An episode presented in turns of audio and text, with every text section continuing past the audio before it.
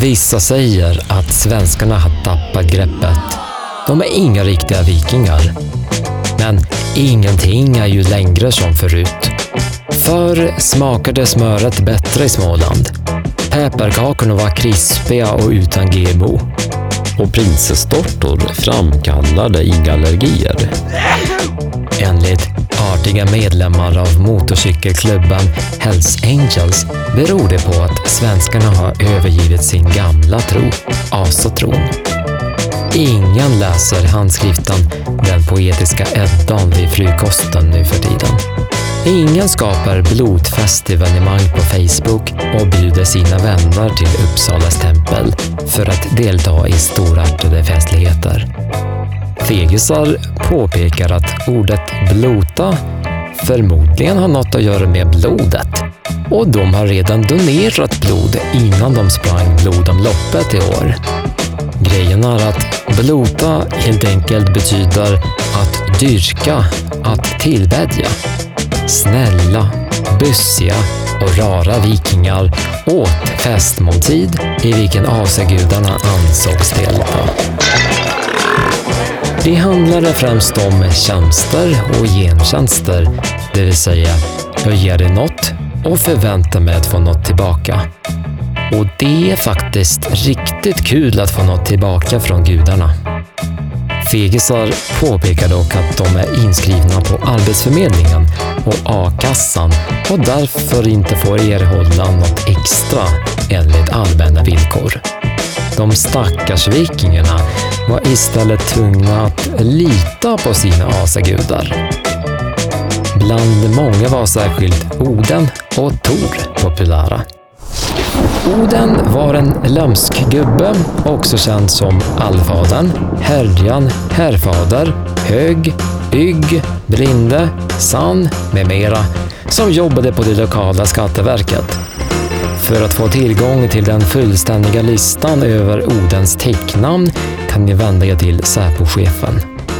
Förr i tiden fanns det faktiskt inga personnummer. Man kunde inte heller spana efter folk på hitta.se. Därför var Oden tvungen att samla in information på andra sätt. Han var egentligen en nyfiken snubbe. Hans två korpar, Hugen, som betyder tanke, och Munin, som betyder minne, flög omkring överallt för att få tag i mer information kring vad som försiggick i världen. För att komplettera upplysningarna uppväckte Oden döda som hängde i galgar, eller kanske på. De blev då ansatta med frågor om saker och ting i världen. Det är ingen slump att Oden då fick ett namn till, de hängdas gud.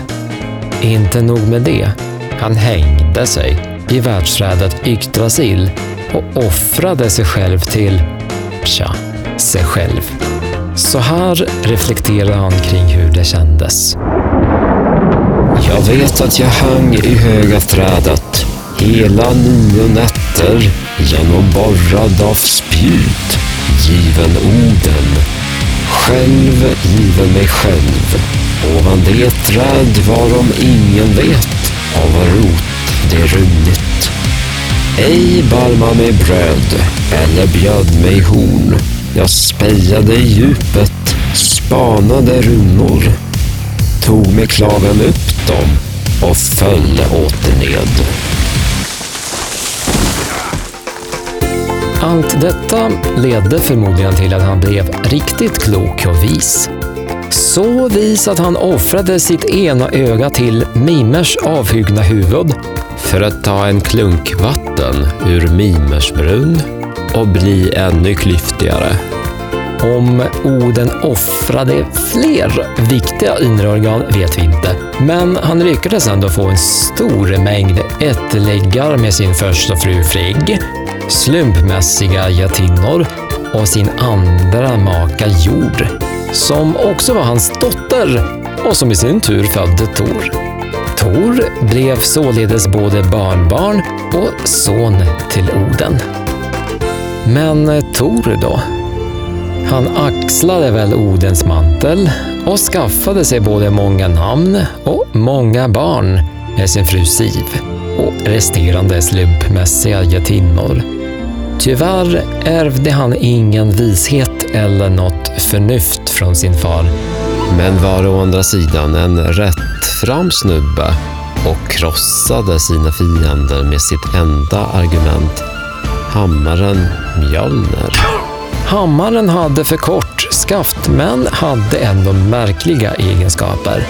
Den träffade alltid och återvände till Torshand. Eftersom Tor väl inte var särskilt listig lyssnade han på sina snarfyndiga rådgivare. Rådgivarna var snabba på att arrangera möten, beställa mjöd och arrangera nästa möte.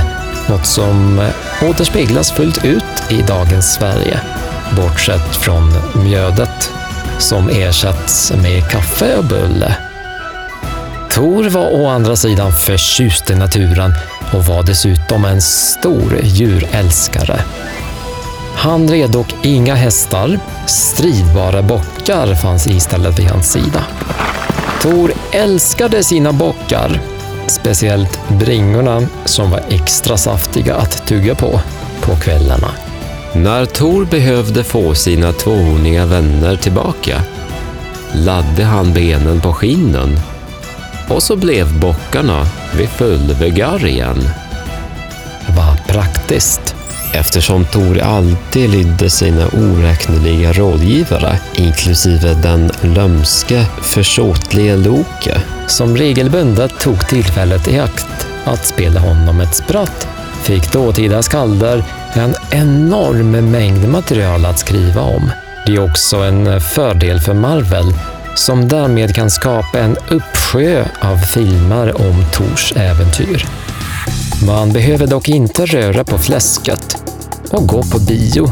Man kan stanna hemma, ta på sig bekväma tofflor och mjukisbyxor, öppna en stor påse chips och ladda ner filmer från nätet.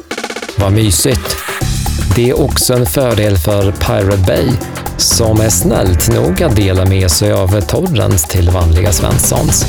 Det är också en fördel för upphovsrättsföretagen som skickar kvitton till vanliga Svenssons med begäran om en massa pengar på grund av illegal nedladdning av upphovsrättsligt material.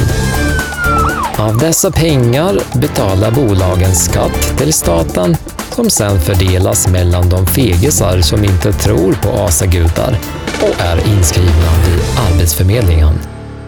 Vilket märkligt ekonomiskt kretslopp. Vilket avancerat socialt system. Alla vinner på detta. Det är dock dags att avrunda vår historia.